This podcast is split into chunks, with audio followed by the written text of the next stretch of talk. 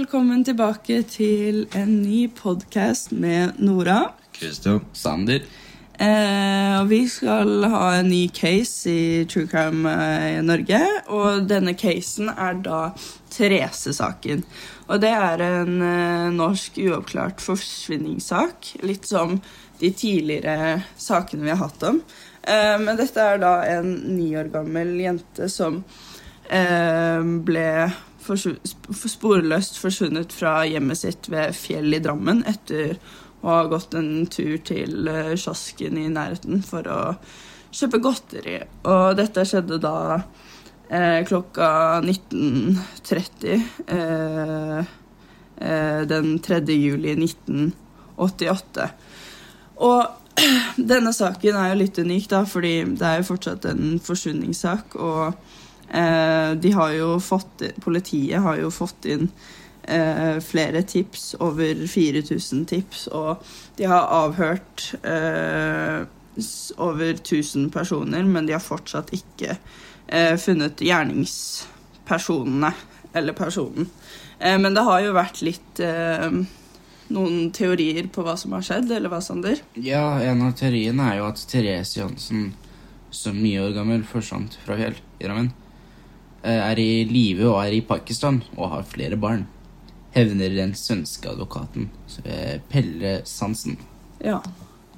Så det var jo ja, så den teorien om at eh, fordi de, hovedteorien var jo at uh, Therese Johansen ble bortført uh, og uh, siden drept. Men en annen sentral teori var da at hun ble bortført til Pakistan og lever fortsatt der. Og da, som du sier, at fått barn og bla, bla, bla. Sikkert sett seg ned der, da. Men eh, bakgrunnen for denne teorien var eh, en misforståelse om at Ther Thereses biologiske far var fra Pakistan, og han og eh, at han og familien hans hadde bortført Therese og tatt henne med seg til Pakistan. da. Og Politiet etterforsket Pakistansporet, eh, bl.a. etter tips om at en jente kunne, som kunne vært Therese, hadde blitt observert på et eh, fly fra København til Pakistan. Eh, så da ble jo norsk politi sendt dit og til en navngitt eh, landsby i Pakistan. Men etterforskningen førte da aldri til noe konkret, da. Og faren var jo egentlig ikke fra Pakistan. Han var jo eh, fra Spania. Eh, og han het Velo Stillo. Så det var jo litt sånn feil spor, det, da. Og så en annen case. Det er jo Thomas Quick han ble jo dømt til dette her. I, sånn, etter et års etterforskning eh, trappet politiet ned saken, men la den aldri helt til side.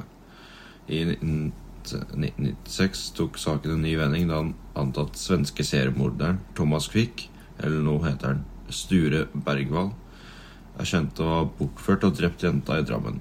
Tilståelsen førte til at politiet gjenopptok eh, etterforskningen og igangsatte et eh, omfattende søk etter Therese i tjernet, eh, ringen ved Østfold. Etter å ha pumpet tjernet fant politiet eh, det man antok var brente beinrester fra den forsvunne niåringen, men restene eh, viste seg til å være trefliser. Quick ble knyttet til drapet gjennom sin tilståelse og disse såkalte beinrestene. Og i Hedamora tingsrett uh, 2.6.1998 ble han dømt for å ha bortført og drept Therese Johansen ti år tidligere. Quick ble i seks andre rettssaker dømt for sju andre drap. Ja. Men sa ikke Sander Var det noe du hadde som en av de andre sakene Var det noe som en kjennetegn som var også i den saken? Ja, eh, to dager før eh, Marianne forsvant i, i Ruser, ble en jente forsøkt å trykket i en gul bil ved E18 i Porsgrunn. Og den gule bilen har jo da blitt eh, skrevet om at eh, Thomas Quick hadde en gul bil. ja. Som ble også observert eh, rundt samme sted som Therese også da ble Ja, fordi eh, det er jo litt sånn Det kan jo være tilfeldig, men det kan også ikke være det. Fordi eh, den saken som du snakker om der, den Marianne som også har forsvunnet, eh, det skjedde jo i 18, Nei, 1981. Og det var jo bare syv år før eh, Therese forsvant. Så det kan ha noe likt der, i hvert fall hvis eh, Hvis det er sånn at han har en gul bil, så kan han eventuelt da både tatt Marianne og Therese. I hvert fall som du sier, Christian, at han var en svensk seriemorder. Da, og han driver og kidnapper barn her og sikkert dreper de. Fordi jeg tror ikke Min teori er jo at jeg tror ikke Therese fortsatt er i live. Jeg tror nok hun Hun er nok eh, død siden det har gått 35 år, og vi har fortsatt ikke funnet noe greier der. Men de har jo Politiet har jo funnet eh, Thereses DNA-profil på et viskelær og putevar. Eh, og det gjør jo det lettere da for politiet hvis de finner et dødt lik, så kan de på en måte finne ut OK, er dette Therese, liksom? Med da å spore DNA tilbake til henne, da. Mm. Men ja, og hvordan var det med litt sånn forsvinningen? Mm. Selve forsingen den er jo om kvelden søndag 3. juli da, i 1988. Eh, lekte jo ni år gamle Therese Johansen da, utenfor blokkene der hun bodde. Eh, ja, I selve adressen og sånn, eh, i fjellet Drammen. Eh, lekte jo annet med lillesøsteren sin og var flere ganger innom en kiosk eh, i nærliggende kjøpesenter. Klokken 19.25 begynte det å styrtregne området, og Therese gikk innom kiosken for tredje og siste gang. Kvinnen som jobbet i kiosken, eh, så Therese forlate eh, forretningen og fortsette nedover en gangvei i nærheten. Dette er, den- eller det var den siste sikre eh, observasjonen av niåringen. Og så Therese Johansen var da iført av en rosa T-skjorte, dongeriskjørt og mokasiner. Ja. Og, det, og den hun kassadama, det var liksom sikreste Eller siste sikre synet av henne. Mm.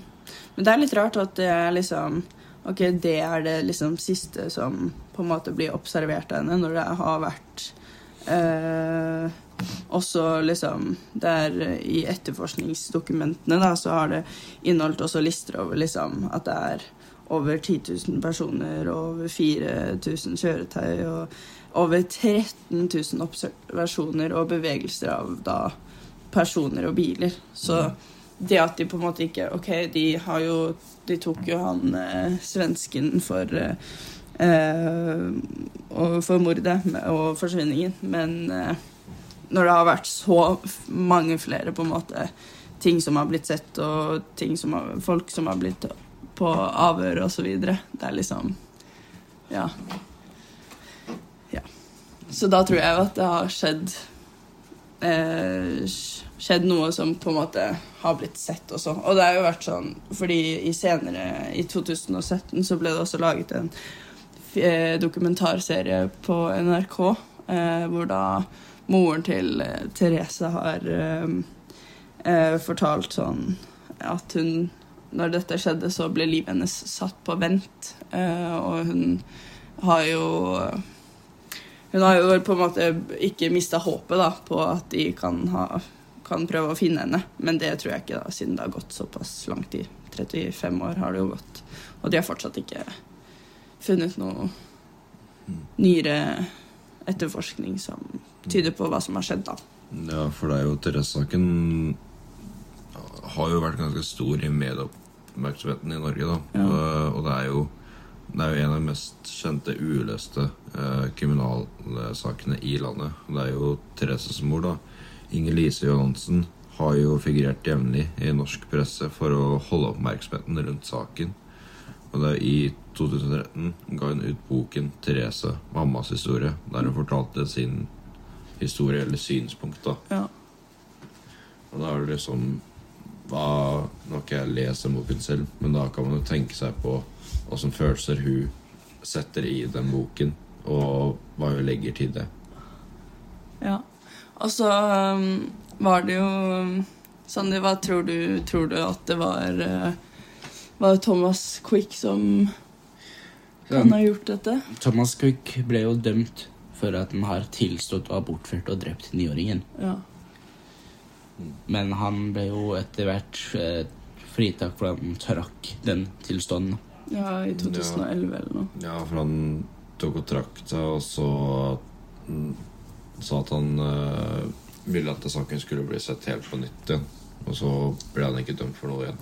Det er jo veldig rart, da, at eh, han blir eh, At han først liksom melder seg. At, det- at det var han som på en måte Mm. gjorde det, og så, noen år senere, så eh, tar han den tilbake, på en måte. Det, er jo- det syns jeg var veldig rart. Det er jo sånn, Men det at de da frikjente han, må jo ha vært at de har bevis på at det ikke var han som hadde gjort det, sikkert. Men som kan være, er jo at eh, Thomas Quick på en måte ble tvunget Ja, det. Du si det. Ja, det er, Eh, ja, men typisk. nå i 2011 så følte han seg trygg nok til å trekke det. Ja. Og da fant de nok bevis at det ikke var han. Ja, det er absolutt en mulighet, og det er veldig sånn plot twist. Ja. Det er sånn typisk. Men eh, jo, det har jo også vært at eh, eh, Nå som det har gått såpass langt, så har det jo politiet og hun moren til Therese, eh, Therese at eh, eh, At de har lyst til at de som på en måte vet noe, eller de som har på en måte gjort noe, at de kan komme frem nå og fortelle, liksom, fordi Og prøve å oppløse saken. Eh, men eh, de vil jo ikke få noe straffskyld i det hele tatt, fordi det har gått såpass lang tid. Så ja. Det var det det sto, da. Ja, det er jo Saken har jo blitt eh, sånn av politiet såkalt eh, foreldret, da, for den hadde gått så lang tid, og ingen har på en måte funnet noe mer ut av det. Det er det. Og da, de kommer jo ikke til å finne noe mer bevis. eh, for det, den saken har jo bare gått til en annen sånn uh, politisk gruppe som bare tar sak som ikke er oppklart i det hele tatt. Ja, det har jo blitt til en cold case, akkurat som de andre sakene vi har snakka litt om. Eh, en cold case er jo da gamle, kalde saker som ikke har blitt eh, løst ennå. Og det er jo sånn som politiet ser på litt eh, noen litt i senere årene, da. Prøver å få løst, fordi vi har jo kommet veldig langt med sånn teknologi og sånn, så det å liksom Ok, det har Det her skjedde for 35 år siden i liksom 1998 og så videre, og det var liksom eh, såpass Såpass dårlig, på en måte Det er bedre liksom, teknologi og ting å finne spor på i dag, da, tror jeg, enn det det var for 30 år siden.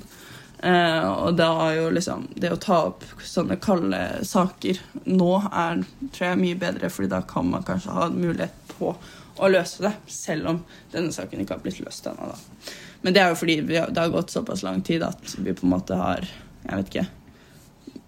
Ja, psykologien har jo gått fremover betraktelig på 35 år, for det er jo fra siden 1990, da, og så til 2023, da. Ja, Det er en ganske stort hopp i forhold til teknologi, for det tar og utvikler seg veldig raskt. da Og da vil jo det fortsatt eh, hjelpe til etterforskningen. ja, ja. Etter bare ti år, men tenk deg på 35 år, da.